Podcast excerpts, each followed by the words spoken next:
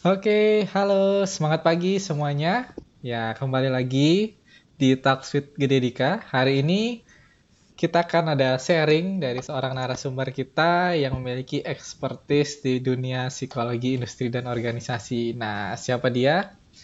Nah, psikolog ini bernama Kak Vidya Nidita. Jadi narasumber kita hari ini panggilannya Kak Nin biasanya. Nah, kemudian saya perkenalkan dulu nih teman-teman tentang sekilas siapa sih Kak Vidya Nidita ini. Kak Vidya ini adalah psikolog di bidang psikologi, industri, dan organisasi. Kemudian memiliki cukup pengalaman di bidang organization development gitu ya. Sudah pernah beberapa kali bekerja di beberapa, beberapa perusahaan dan berkaitan dengan OD. Dan memiliki spesialisasi di bidang organizational development dan talent management. Oke, kita sapa dulu. Halo Kak Nin. Halo, pagi, pagi, pagi. Oh, Yeah. sorry, sorry guys, ya sebentar. Ini eh, aku mau ngomong nih, dulu waktu kuliah nih sama Beli, yang pertama kali aku ingat, dia selalu bilang pagi, pagi, pagi. Jadi sekarang waktunya aku bilang demikian. Cie. Ya, betul itu trademark gitu ya. Yuhu. Oke, hari ini kita akan ngobrol-ngobrol sama Kak Nin ini berkaitan dengan materi kita yaitu work-life balance. Wah, apa nih ya? Yups. Sesuatu yang baru nih, work-life balance.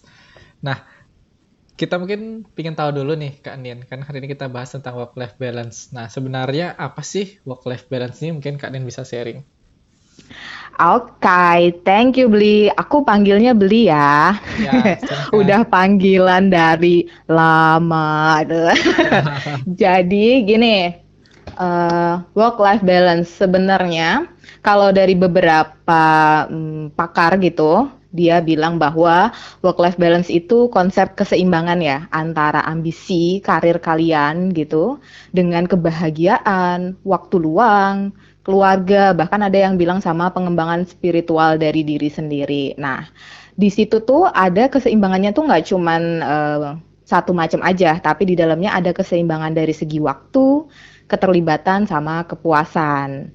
Gimana sih orang itu mampu berbagi peran nih eh, dan merasakan adanya kepuasan sama peran-peran mereka. Intinya sih kalau aku boleh bilang beli, kalau dari aku tuh gimana nyelarasin, nyeimbangin antara kita kerja sama hal lain di hidup kita gitu. Oh, berarti lebih ke bagaimana menyeimbangkan antara pekerjaan dengan hal lain di kehidupan kita gitu ya. Betul. Nah, kira-kira hal lain ini apa nih? Apakah eh, Mm-mm.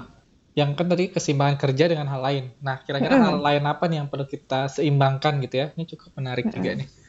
Yups, yang paling deket sih kalau aku keluarga aja ya. Mungkin itu paling eh, relevan lah sama sekarang. Kita tuh eh, harus nyeimbangin antara kerja sama keluarga. Terutama nih Bli, kalau kita bisa lihat nih, orang-orang zaman sekarang nih, milenial kayak aku, cie. Kayak aku nih milenial gini, eh, mungkin kamu eh, udah nggak milenial ya Bli, sorry. Jadi kita tuh kadang milih kerjaan di tempat yang dia nerapin work-life balance nih antara pekerjaan yang aku kerjain sama eh, waktuku untuk hal lain, untuk keluargaku, mungkin untuk pengembangan diriku. Kan eh, hidup nggak cuma tentang kerja doang ya Beli. Nah, itu salah satunya kayak begitu. oh iya iya, berarti memang sederhana banget ya bagaimana menyeimbangkan antara pekerjaan dan di rumah. Supaya Betul. mungkin supaya mungkin nggak ketika pekerjaan di kantor malah kebawa ke rumah gitu ya. Misalnya masalah-masalahnya begitu pula yang hal sebaliknya gitu ya. Betul, betul sekali. Jadi kadang kalau pekerjaan tuh udah mengintervensi ya atau mencampuri kehidupan pribadi kita nih, artinya kita tuh udah nggak seimbang nih sebagai eh, manusia gitulah, seim nggak seimbang nih. Kita lebih banyak eh, porsi mungkin sebagai karyawan gitu sampai kita lupa tentang kehidupan kita kayak gitu.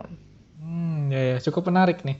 Nah, kemudian nih, eh, apa sih yang menjadi tolak ukur atau bagaimana kita mengetahui bahwa hidup kita ini sudah work-life balance atau seimbang antara pekerjaan dengan kehidupan gitu ya?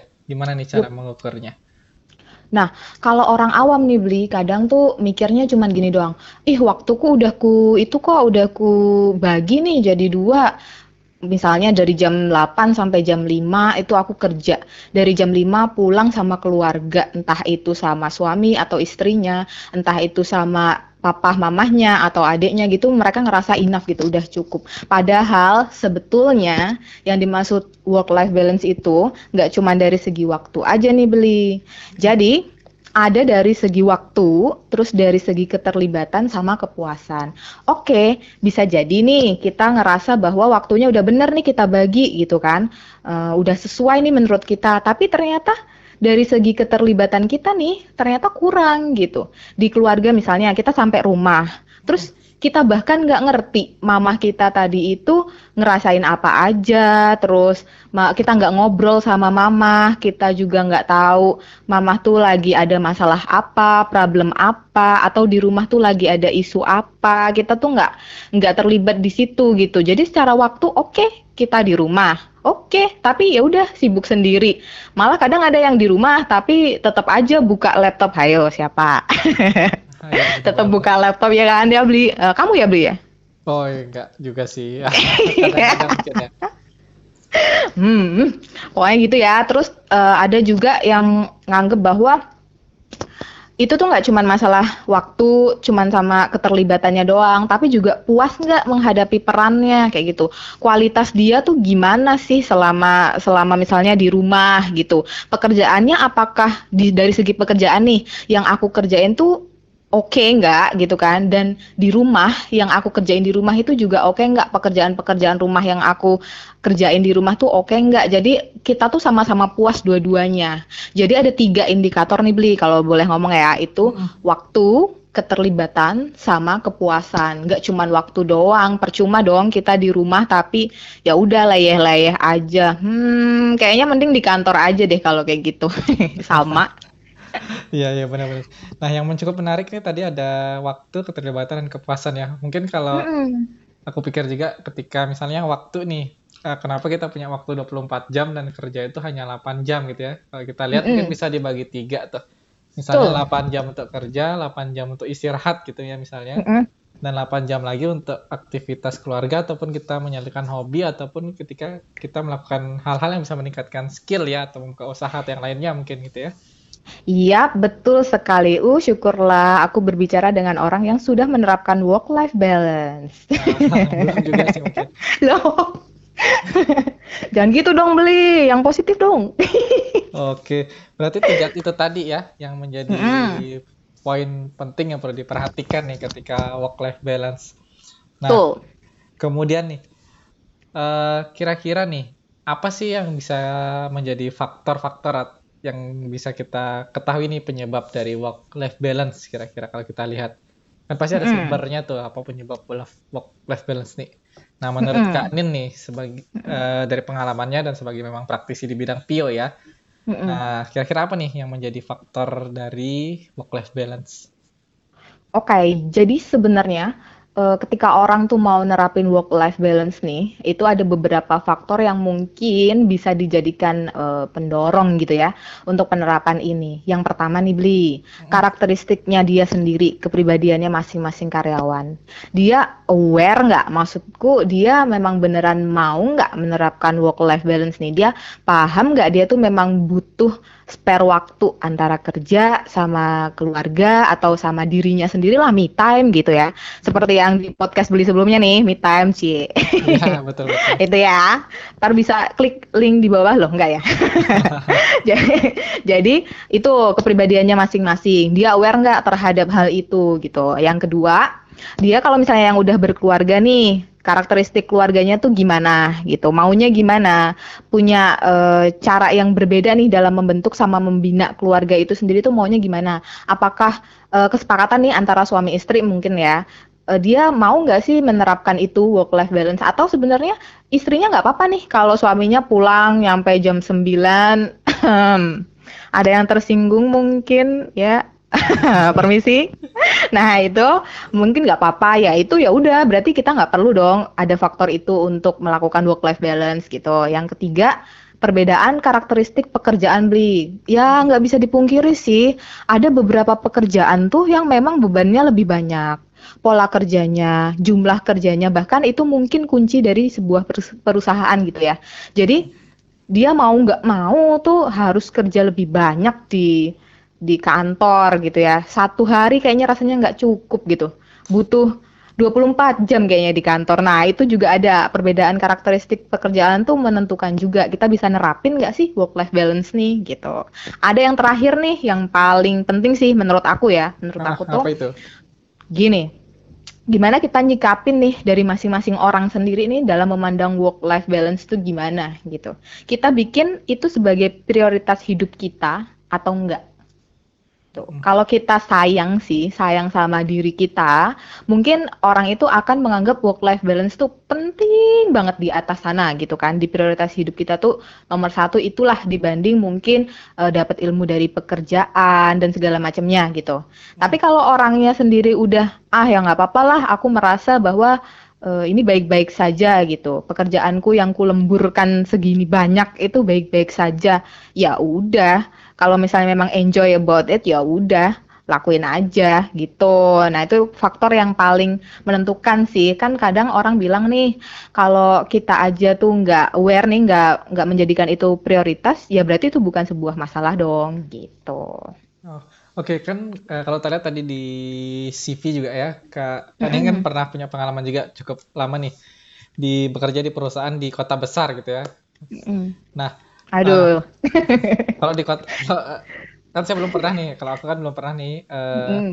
di kota besar bekerja, kan pasti tuntutan pekerjaan itu cukup tinggi gitu ya. Maksudnya uh, kerjanya mungkin ada sampai yang lembur gitu ya. Nanti mm. mungkin sempat disebutkan. Nah, gimana nih satu sisi kan kadang-kadang kita misalnya mengejar karir gitu ya apalagi yang masih masih milenial milenial ini kan wah kita semangat mm. terus di awal karir kita untuk mm. sehingga mengabaikan work life balance kita nah Mungkin bisa sharing pengalamannya ketika di kota besar, apakah ada dinamika itu terjadi? Kemudian menurut pandangan Kak Din seperti apa tuh? Ya, betul. Uh, aku bisa bilang sih bahwa memang kadang yang mengejar karir tuh banyak banget sampai mereka lupa gitu ya. Mungkin kalau mau disebutkan namanya, jaduh, oh, panjang banget nih, banyak nih.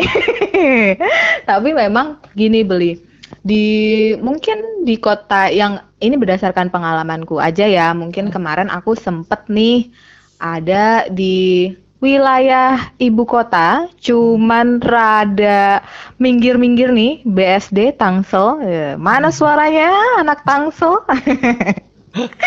Jadi tapi untungnya, untungnya beda banget sama teman-teman aku yang kerja di ibu kota dari segi hmm. apa ya? mungkin lingkungan kerjanya juga beda. Nah, aku mau cerita aja nih sharing tentang experience aku waktu itu ya di Tangsel tuh BSD. Nerapin work life balance-nya gimana sih dinamikanya apa sih yang terjadi waktu itu gitu.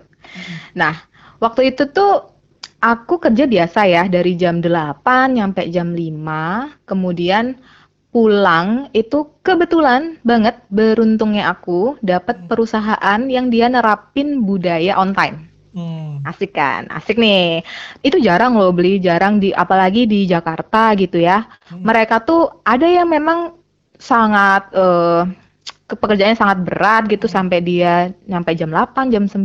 Tapi ada juga yang memang sengaja pulang jam 8 jam 9 tuh karena nunggu macetnya selesai. Oh gitu. Jana. tuh isu lo beli itu. Oh, nah, gitu. kebetulan kalau di tempat aku itu kan di BSD orang-orang karyawannya itu eh apa ya tempat tinggalnya pada di Jakarta gitu. Nah, itu kayak arus yang yang berlawanan lah dengan orang dari Jakarta. Biasanya kan orang kerjanya di Jakarta, pulangnya ke BSD, pulangnya ke Depok gitu kan. Kita kebalik nih. Jam 5 kita pulangnya ke Jakarta gitu kan. Dari BSD ke Jakarta gitu. Uh, dari segi macetnya kan mereka juga pasti bilang gini lah. Intinya kalau bisa pulang tuh ya jangan malam-malam karena semakin malam semakin macet gitu. Kalau dari mereka tuh budayanya seperti itu. Kebetulan juga banyak ceweknya. Nah, ini nanti beda banget loh, Bli. Banyak cewek nih. Jadi di sana lebih banyak peran ganda kan. Hmm. Cewek-cewek ini, beliau-beliau nih yang jadi uh, atasan-atasanku ini, beliau kan punya anak gitu hmm. kan. Pasti ya pengennya cepet pulang dong. Siapa iya, yang nggak mau, ya kan, Bli? Pasti pengennya ketemu anak dong, pasti tuh. Mereka justru pengennya kalau bisa on time jam 5 teng pulang ya pulang dulu lah. Pasti dicariin anaknya, mana anaknya masih kecil-kecil gitu kan. Jadi di tempatku budaya on time-nya oke punya sih. Nah, untuk bisa nerapin itu tuh, biar aku juga work life balance-ku di situ juga, aku juga mesti lihat atasanku ini kan.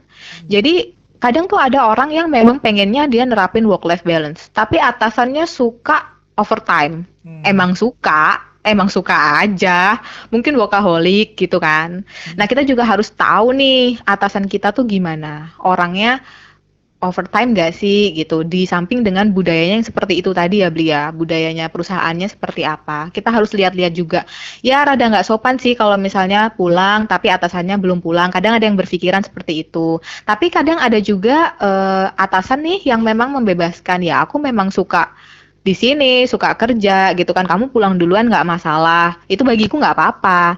Kebetulan Alasanku itu sangat-sangat membebaskanku. Jadi aku enak banget nih untuk Hmm. pulang on time. Jadi aku bisa ngerjain hal lain setelah aku pulang. Itu penting juga tuh kita harus harus tahu dulu nih karakter atasan kita kayak gimana gitu. Hmm, ya ya. Jadi ada juga Hmm. mungkin ya di tempat itu misalnya ada jam 5 teng gitu ya, tenggo gitu, langsung balik. Terus ada juga mungkin agak yang oh belum pulang nih si bosnya agak ragu-ragu Mm-mm. kita mau pulang gitu ya. Mm-mm, betul juga, betul betul. Jadi em, banyak tuh, banyak juga sih teman-teman aku yang dia sebenarnya udah selesai nih ngerjainnya. Cuman bosnya mungkin masih nongkrong di situ gitu kan. Ya Hmm. apa pun itu dia nggak enak gitu kan. Ya it's okay menurutku sekali dua kali nggak apa-apa. Cuman kalau misalnya memang bosnya itu juga fleksibel, ya udah nggak usah nungguin juga. Dalam artian kan beliaunya juga fleksibel. Kamu pulang yang penting kerjaanmu selesai gitu kan. Itu aja sih poinnya gitu. Terus waktu itu beli, aku ada cerita lagi nih. Waktu itu supaya orang-orang tuh tahu ya, bahwasanya aku tuh nerapin work life balance, aku selalu komunikasiin tuh sama semua orang di kantorku. Beneran itu itu nggak butuh nggak butuh effort ya, tapi benar-benar benar-benar membantuku lah. Jadi gini beli, aku selalu bilang sama mereka bahwa Jumat malam sebagai anak yang baik dan sayang orang tua, Ci. Dua minggu sekali itu tiap Jumat malam aku pulang ke Jogja Oh. gitu dari BSD dua minggu sekali. Nah kan pilihannya ada dua tuh beli Mm-mm. pakai pesawat atau pakai kereta gitu kan. Ya, Kalau aku pakai pesawat dari BSD kan lumayan satu jam tuh, tapi kan harus check in dan segala macem. Aku selalu ngambil yang jam 10 malam gitu kan.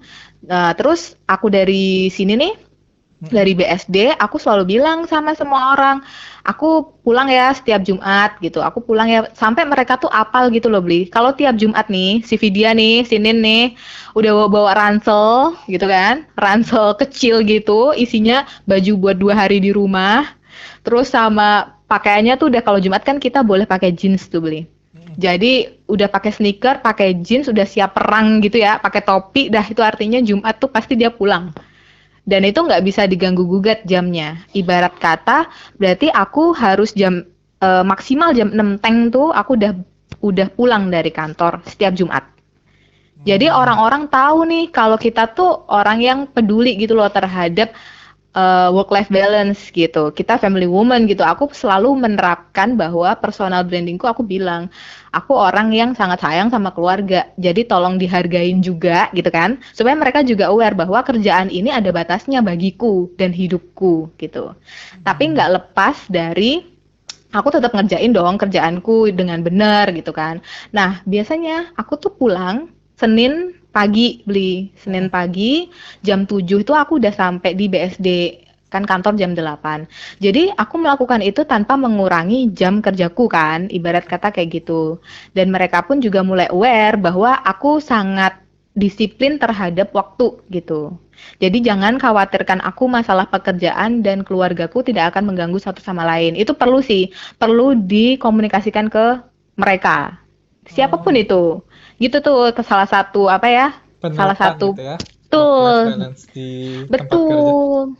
Betul. Jadi mereka tahu juga tuh batasan-batasan kita sebagai karyawan tuh mau seberapa gitu. Kita nggak mau nih Jumat. Saya aku pernah tuh dibilangin gini. Jumat kamu nggak apa-apa lembur gitu kan. Waktu awal dulu tuh. Saya nggak mau bu. Saya bilang karena memang uh, saya tiap Jumat harus pulang. Aku bilang kayak gitu. Jadi mereka juga oh oke okay, baiklah. Mungkin di hari lain mereka akan menawarkan untuk lembur lagi gitu ya. Tapi kan seenggaknya ada batasannya yang kita terapin nih itu kan salah satu kunci ya untuk mereka nggak nggak terus lanjut aja gitu masalah kerja terus gitu.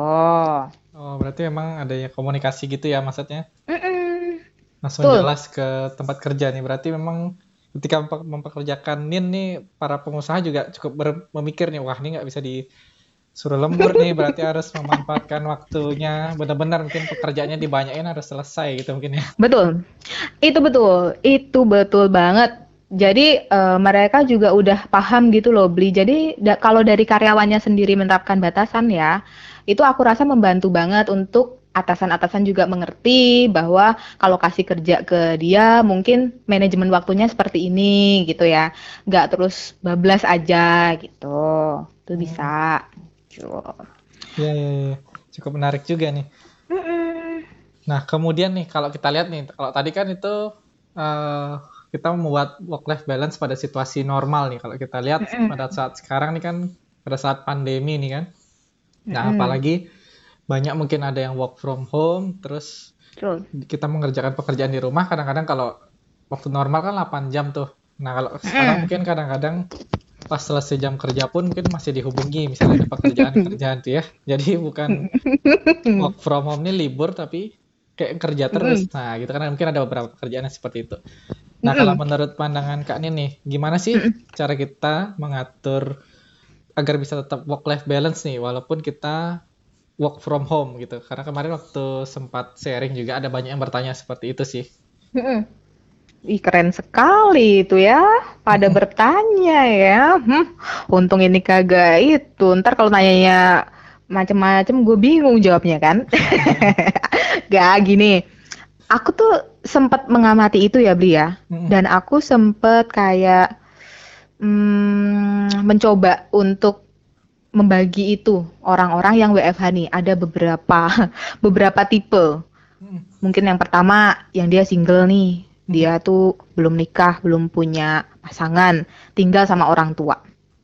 Itu beda loh WFH-nya sama ibu-ibu yang punya anak, eh, bapak yang punya anak, atau uh, single yang dia ngerantau. Uh, eh, WFH-nya itu beda-beda tuh beli. Kita oh. coba bahas ya. Ah, ah iya iya. Jadi mungkin yang aku sempat nanya ada case mm -hmm. sini untuk yang misalnya yang merantau ini gitu ya. Karena kemarin okay. ada salah satu teman merantau kan nggak bisa pulang nih pada saat mm -mm. pandemi. Mungkin bisa diceritain nih kayak gimana tuh case-nya. Mm. Kalau anak rantau biasanya kan mereka ngekos sendirian nih, mm ya kan? Di kosan ya sendirian, kagak ada yang nunggu, kagak ada yang nemenin gitu kan. Kalau dari mereka anak-anak rantau ini biasanya jam kerjanya tetap normal beli, tetap sama. Malah kalau dari yang aku itu ya bisa sharing ya tentang pengalaman-pengalaman mereka tuh cenderung banyak terdistrak tuh waktu di kantor karena apa? Karena pada dasarnya kan kantor memang tempat untuk bekerja ya. Jadi ketika tiba-tiba nih kerjaan rutin, kita rutin, terus habis itu ada meeting, terus meeting ada tambahan kerjaan gitu kan. Terus akhirnya kita harus lembur nih seharian hmm. itu. Tapi kalau kita di kosan, duduk terdiam, we, termenung sambil ngerjain ngerjain kerjaan gitu kan, nggak ada meeting-meeting yang tiba-tiba apa ya nambahin kerjaan jadi panjang gitu ya. Nah, itu mereka ngerasa bahwa oh kalau di WFH nih mereka nggak nggak ada nggak ada masalah di jam kerjanya untuk anak-anak yang rantau ini gitu. Nah, kadang mereka itu justru malah eh, nggak uh, bisa nggak bisa lepas nih kayak ibarat kata udah terlanjur enak nyaman WFH terus habis itu mereka bisa apa ya bisa di kosan leyeh-leyeh gitu hmm. kadang jadi list-listnya mereka sendiri nih yang mundur hmm. jadi kayak mereka sendiri yang nggak disiplin waktu gitu nah itu tuh untuk orang-orang yang seperti itu, kadang kan ah laya-laya bentar lah, nanti juga bisa gitu kan, ntar juga oke gitu. Nah, tipsnya nih harusnya dia netapin dulu nih list rutinitasnya. Jadi kira-kira nih abis jam 5 gitu, jam 5 tank gitu, tank selesai nih WFH gitu, dia kira-kira mau rutinitas mau ngerjain apa gitu kan. Hmm. Nanti supaya apa? Prioritas kita tuh pindah ke situ gitu. Pindah ke list-list itu. Jadi nggak ada waktu tuh untuk kemudian uh, layah-layah lah. Nanti kalau misalnya kita overtime gitu jam 6 ternyata belum kelar sedangkan jam 7 tuh udah ada rencana mau olahraga lah mau makan lah mau belanja bersih-bersih kamar lah. Jadi mundur semua. Nah kayak gitu kan juga uh, kayak sebagai reminder kita lah beli disiplin hmm. waktu manajemen waktu kita sendiri itu contohnya yang anak rantau nih gitu hmm. mungkin ada lagi nih yang lucu nih oh apa itu uh, waktu aku sharing ya uh, hmm. pengalaman teman-teman nih waktu dia single nih tapi dia hidup sama orang tua uh-uh. Oke nih WFH nih. Lah, jam kerjanya itu malah jadi bubar gitu beli amburadul Oh, karena apa? ada distraksi nih dari orang tuanya. Kayak misalnya gini, Dek bantuin mama dong, gini, Dek bantuin mama dong nyiramin tanaman. Dek kan sekarang lagi banyak hidroponik itu kan beli. Orang-orang pada uh, eh, WFH terus ibu-ibu juga pada seneng doyan tanaman. Hmm, ya yang berjuta-juta itu. Nah, ntar kan adek juga disuruh tuh untuk ngurusin juga. Kadang tuh nggak pakai mikir gitu ya. Ya namanya juga orang tua mungkin kan nggak ngerti juga ya kapan kita sibuknya di WFH itu kan keanggapnya kita kayak libur. Kesannya ya namanya mamah-mamah yang ngelihat anak gelesotan aja di kasur pada ngapain gitu kan. Mending bantuin mama nih masak kek atau gimana gitu karena karena terdistrak itulah dari orang tua ya. Sebagai anak gak mungkin juga kan kita juga mengabaikan itu gitu. Nah mer uh, mereka nih biasanya tipsnya nih yang satu kasih dulu pengertian tuh ke orang tua, ke mama gitu, bilang jam 10 mah break time-nya gitu kan, baru bisa diganggu jam 12 sama jam 4 gitu. Nah, kalau orang rumah itu udah ngerti ya, tinggal gimana nih kita tegas sama diri sendiri. Nah, biar biar juga terkesan apa ya, kita serius sungguh-sungguh dalam bekerja, padahal mungkin pencitraan, gading. di WFH ini gitu, kita tetap aja kita uh, seolah-olah tuh kasih kondisi yang kita tuh ngantor. Misal hmm. pagi-pagi ya udah mandi, udah dandan, kamarnya udah dibikin kayak kantor lah, ibarat kata ada mejanya, ada laptopnya, tetap bikin produktif, bikin target gitu. Komit, tetap komit sama manajemen waktu. Nah itu membantu banget sih untuk supaya mereka tuh nggak molor. Tuh salah satunya kayak begitu beli. Oh berarti memang seperti tadi itu ya uh, kita memposisikan diri seperti bekerja juga gitu ya ketika work from home itu. Jadi bisa cukup membuat semangat gitu ya. Mungkin yep. kadang ketika di rumah oh lemas banget.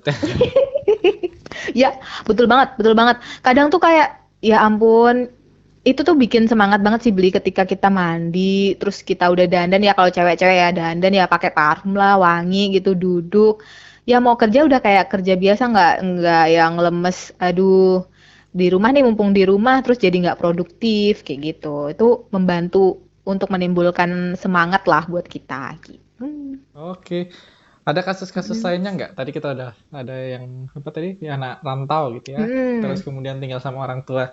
Terus hmm. kemudian ada nggak kasus-kasus misalnya yang berkaitan dengan ketika dia misalnya nih pekerjanya sudah punya anak ataupun uh, bagi yang ibu-ibu mungkin yang mm. berkarir juga gitu kan pasti challenge ya karena kalau ibu-ibu pasti sangat luar biasa banget nih belum harus bekerja kemudian uh, apa lagi pekerjaannya di kantor gitu ya kalau di Bali mungkin satu lagi ada mengurus kegiatan di adat gitu ya atau di masyarakat mm. juga gitu nah mungkin ada case-case gitu nggak atau tips yang bisa diberikan kepada kalau yang sudah uh, berkeluarga gitu. Oh, berarti kalau wah Aku baru tahu beli kalau di Bali ada kayak gitu. Maksud aku kalau misalnya di ibu kota gitu ya, hmm. kalau yang selama ini aku tahu kan ya mereka peran gandanya mungkin di keluarga, urusan rumah tangga, anak gitu, sama di kantor gitu ya.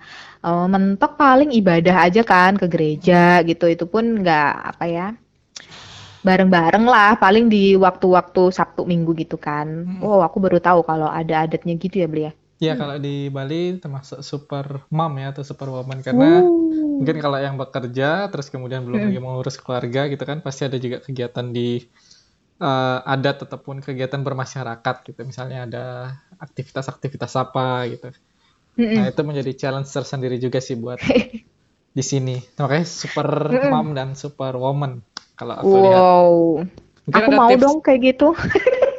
ada tips nggak mungkin buat uh. Uh, ibu-ibu yang berkarir nih atau yang misalnya hmm. ada bapak-bapak yang memiliki anak di rumah dan Yups. berkeluarga nih ketika menghadapi Yups. work from home namun tetap uh, work life balance-nya terjaga. Cul. Jadi ada dua nih ya Bli ya. Kita hmm. bahas satu-satu ya. Yang ah, satu boleh, boleh. super mom gitu kan. Hmm. Uh, yang satu uh, Superman. Iya, iya. Nah, kalau yang super mom ini ya, kalau dari sharing teman-teman, ya, balik lagi ya kita tumpahin nih segala keluh kesah curhat mereka via aku. Dia kan gini, jam kerjanya tuh malah nggak produktif sama sekali dan mereka cenderung pusing tujuh keliling. Oh iya iya. iya. beli tahu nggak? Kalau sekarang kan juga kayak beli nih ya, kan eh, ajarannya kan jadi daring ya, ya online betul. kan. Nah Beli bayangkan itu apabila ada anak dengan tugas sekolahnya nih. Duh, aku sampai cari ya, cari beberapa artikel nih. Semuanya tuh kayak mengeluhkan hal yang sama saya sebagai ibu harus bekerja, kemudian ngurus rumah tangga waktu WFA nih ya. Terus ditambah ngerjain tugas anak. Uh. ya kan, mereka juga harus adaptasi sama tugas-tugas anak yang sekarang itu online gitu. Belum lagi beli kalau misalnya nih temen aku ada yang minta anaknya tuh minta ditemenin bobo siang. Hmm. Ah, ya kan karena kan ngelihat ibunya di rumah kayaknya berdiam diri gitu kan. Mm-hmm. kayak eh, mana mana ada sih anak kecil yang tahu gitu kalau ibunya kerja mungkin ada deadline dan segala macem gitu kan. Taunya ya udah mama di rumah temenin dong mah bobo siang gitu. Itu satu. Belum lagi nanti kalau misalnya suami bilang kayak gini ah tempe mendoan enak nih kayaknya tuh. Tiba-tiba tuh bilang kayak begitu. Gimana? Atau kalau nggak nanya dasinya di mana ya gitu kemeja yang ini di mana ya mah udah ke distrak lagi jadi ah. mereka tuh lebih sering lebih gini lebih mikirnya lebih aduh capek WFH udah mending WFO aja lah gitu aku juga uh, mau sharing gimana mungkin ah. cara mereka ya untuk menghadapi WFH ini mungkin ya ah, yang betul, mungkin betul. selama ini mereka terapkan gitu. Yang pertama yang pasti kasih pengertian dulu, komunikasiin ke anak. Anak nih paling nomor satu gitu ya. Hmm. Tapi kan anak kadang eh, nggak uh, paham ya, apalagi anak yang balita gitu ya. Hmm. Ada ada sih beberapa anak yang mungkin uh, paham gitu, ibunya bisa diganggu waktu ini atau waktu itu. Nah hmm. makanya untuk memisahkan nih anak tuh biar tahu kita harusnya punya ruang kantor sendiri nih hmm. di uh, di di rumah gitulah ibarat kata kayak gitu jadi mungkin ketika anak mau masuk permisi dulu gitu kan hmm. atau kalau misalnya mau kita mau keluar gitu kan di jam-jam tertentu atau kalau misalnya memang benar banget harus keluar masuk keluar masuk gitu kan nggak apa-apa. Seenggaknya ada batasan nih. Oh ini mama kalau udah di ruang ini artinya mama mungkin nggak punya waktu sebanyak itu untuk adik gitu untuk anak gitu kan. Si anak ini mikir gitu ya. Pertama itu. Yang kedua kalau misalnya memang pusing banget gitu kan datengin bala bantuan dari keluarga atau pasangan nih gitu kan. Mungkin tantenya suruh ngajakin main ke atau mungkin uh, budenya atau mungkin gantian lah sama pasangannya gitu kan. Uh, jagain anak ajak main anak gitu. Kasih aplikasi atau apa ya tetap dampingin dia. Kalau misalnya dia ngerjain tugas tetap cuman kita kasih dia kerjaan lah. Yang kreatif sih memang dituntut harus kreatif. Dan itu bener-bener PR juga sih bagi supermom ya untuk bikin anak tuh betah gitu kan tanpa dia nyari-nyari kita gitu ibarat kayak gitu ya. Terus juga ada lagi kita harus komunikasiin nih beli jangan sampai lupa. Kita komunikasiin nih sama pimpinan. Kita kasih apa ya bukan kita kasih tahu lah gitu bahwa kondisinya seperti ini mungkin saya tidak akan bisa uh, stay terus gitu ya karena anak mungkin masih kecil gitu kan. Jadi supaya pimpinan juga aware kalau kasih tugas atau kasih apa gitu deadline mungkin karena kondisinya di rumah dan mungkin nggak ada nggak ada apa ya ART gitu ya uh, itu dia lebih memahami lah situasinya. Jadi kita ngerjain tugasnya juga nggak ngerasa nggak enak nih sama pimpinan kalau itu nggak selesai dengan sesuai keinginannya gitulah. Nah, hmm. terus ada juga nih kalau misalnya untuk uh, belanja-belanja gitu kita sekarang kan udah banyak tuh beli belanja belanja online tuh apalagi ya. covid nah covid gini kan kadang ada yang tumbasin .com atau pasar apa.com gitu kan. Jadi kita masih bisa nih sambil ya multitasking dikit lah sambil kita buka situs gitu gitu kan sambil kita kerjain gitu kita pakai lah situs online yang ada saat ini kan banyak banget tuh gitu. Dan yang aku pastiin ya untuk tetap balance nih supaya nggak stres juga jangan lupa istirahat, mam. Karena itu penting banget istirahat. Uh, ya power nap lah sedikit-sedikit 15 menit gitu. Karena mereka memang nggak cuman satu hal doang, nggak cuman kerjaan doang yang mereka urusin tuh. Salah satu tips nya ya yang mungkin bisa diterapin nih dari sharing-sharing kemarin. Itu untuk yang moms ya beli ah. kita lanjut ke yang father kali ya. Ya benar-benar kan udah mom sekarang yang father nih. Gimana nih? Menghadapi situasi seperti ini. Uh, kalau father itu biasanya mereka itu distraktnya kalau anak ngajak main tahu kan kalau kalau bapak sama anak tuh kan biasanya lebih ke seneng main bareng, ya kan? Seneng ngajak main yang ya paling cuman main petak umpet kayak atau apa gitu. Nah, kadang kan terdistraknya tuh di situ gitu kan. Kalau dari kalau dari yang aku teman-teman aku sharing nih gitu kan, biasanya mereka itu si bapak-bapak ini mereka lebih ke jam kerjanya tuh kadang lebih nih dari seharusnya.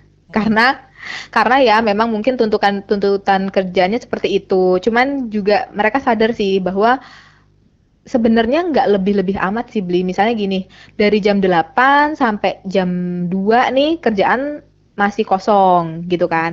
Barulah dari jam 2 nyampe jam 9 gitu misalnya kayak gitu kan. Itu ya sebenarnya 8 jam juga, cuman kayak berasanya itu lebih lama kan karena kok nyampe jam 9 malam ya padahal di rumah gitu kan. Itu sih sebenarnya mereka menyadari akan hal itu gitu kan. Belum lagi ditambah nanti anak-anak yang kira-kira pengen ya iseng lah main-main bareng gitu ya. Main-main di rumah kayak begitu-begitu atau nyirem nyirem tanaman. Atau kalau enggak bersihin mobil lah. Atau apa ya pergi nemenin pergi lah belanja bentar gitu kan. Ya kayaknya kesannya bentar-bentar tapi kan makan waktu juga. Nah itu tuh. Kalau dari teman aku sharing ya dia itu bilang kalau caranya dia nih kayak begini. Dia bagi dua beli bagi dua pekerjaan dia. Pekerjaan rutin sama non rutin nah dia tuh malah merasa seperti ini. Ketika WFH ini rutin nih pekerjaan yang rutin nih biasanya tuh bisa dikerjakan dalam lima jam sehari gitu kan. Ketika di kantor nih ketika WFO tapi kalau dikerjain di rumah nih mungkin kan nggak ke distrak yang lain nih. Hmm. jadi dia masa malah bisa ngerjain lebih cepet dua jam gitu dia untuk pekerjaan ini nih yang biasanya dia habiskan lima jam kalau di kantor.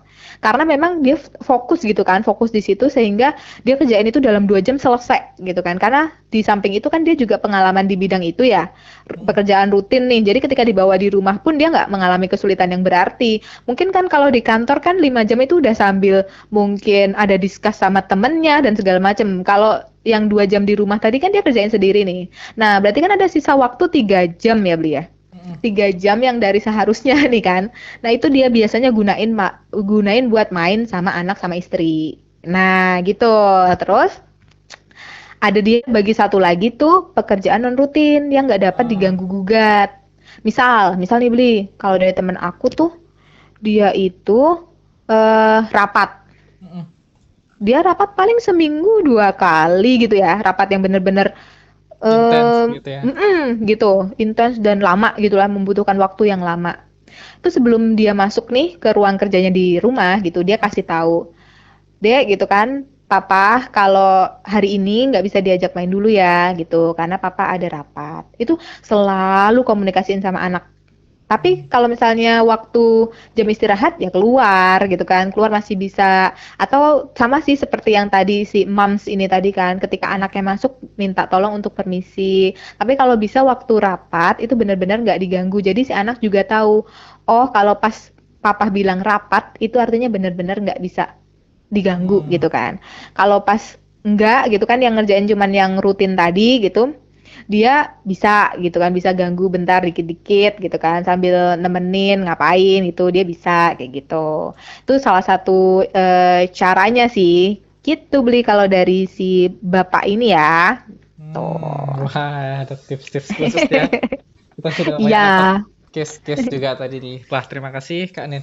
Wah, ini nggak terasa nih sudah mau berakhir nih podcast kita nih. Mm-mm. Nah, mungkin sebelum penutup ada closing statement nggak dari Kak Nin berkaitan dengan work-life balance eh, untuk kita semua nih? Yaps, Ah, ada dong, ada pasti. boleh, Jadi boleh gini? Kalau dari aku ya, yang pasti intinya satu, sadar dulu kondisi sekarang itu yang kita laluin ini itu nerapin work life balance atau enggak Oh, gitu kan. iya. Sadar dulu nih, kita harus punya kesadaran dulu bahwa eh, kondisi kita sekarang, pekerjaan kita sekarang itu nerapin work life balance atau enggak. Hmm. Terus yang kedua, kita mau nggak nerapin work life balance itu di hidup kita? Hmm. Itu dulu, dua dulu kan. Kalau dua ini udah enggak gitu kan ya susah. Kita tinggal seberapa kuat gitu. Seberapa kuat tuh gimana? Kesepakatan. Jadi seberapa mau sih gitu dan besar toleransi kita nih untuk berada dalam kondisi perusahaan dengan work life balance-nya yang buruk Hmm. gitu. Seberapa mau sih kita kita harus tahu dulu seberapa mau sama seberapa toleransi kita gitu kan. Kita sepakat nih ya bahwa semua orang perlu work life balance gitu kan. Namun ketika nih ketika kita berada di perusahaan yang nggak menerapkan work life balance gitu, kita harus tanyain sampai berapa lama sih kita berada dalam perusahaan yang seperti itu. Itu tuh pilihan kita gitu. Ah, iya, iya. Menurut aku itu pilihan kita. Kita mau bertahan di situ berapa lama di perusahaan yang nggak menerapkan itu, itu berapa lama itu pilihan kita sendiri. Balik ke diri kita masing-masing. Gitu. Wah, oke. Terima kasih banyak nih Kak Nin untuk sharingnya berkaitan dengan materi hari ini ya, work life balance. Semoga kita Yup. semua terutama teman-teman pendengar bisa mengaplikasikan nih sharing kita hari ini dari Kak Vidyanindita atau Kak Nin. Wah, terima Sip. kasih banyak ini Kak Nin sudah mau sharing ya. Iya, beli nanti kalau ada yang nanya aku lempar ke kamu ya. Oh, boleh. Ya. Oke, terima kasih sekali lagi Kak Nin. Semoga sukses selalu dan lancar ya untuk karirnya. Thank you beli you too ya. Thank you udah diundang ke sini. Seneng banget. Semoga podcastnya rame, rame lancar karena kehadiran diriku. Iya. Oke, dadah beli. Terima kasih. Semangat Thank pagi. you. Bye.